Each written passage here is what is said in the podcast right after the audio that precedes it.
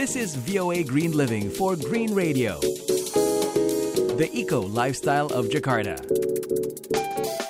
Halo sahabat Green, hal yang sama pentingnya untuk kesehatan kita adalah udara yang kita hirup. Jadi, Badan Antariksa Amerika Serikat (NASA) bersama para ilmuwan dari Korea Selatan mencari cara untuk memperbaiki kualitas udara.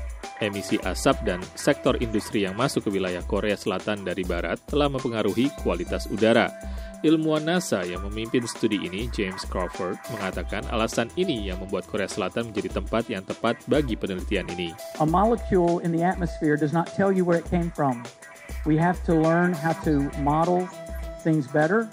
James Crawford mengatakan sebuah molekul di atmosfer tidak memberi informasi tentang asalnya. Kita harus mempelajarinya untuk menemukan model yang lebih baik. Dua pesawat NASA dan pesawat Korea Selatan akan mengumpulkan ozon dan mengukur partikel-partikel di berbagai wilayah topografi Korea Selatan. For the last five years, our air quality work has been in the United States. Many of the things that we're studying here are similar in nature. James Crawford mengatakan selama lima tahun terakhir penelitian kualitas udara telah kami lakukan di Amerika Serikat. Banyak hal yang kami pelajari di sini pada dasarnya sama. Penelitian ini juga akan membantu NASA mengembangkan sebuah laboratorium sains antariksa yang diperkirakan akan dimulai dalam enam tahun ke depan. Fasilitas ini akan melakukan pengukuran kualitas udara di empat benua.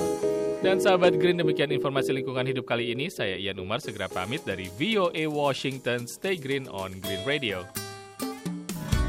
The voice of America.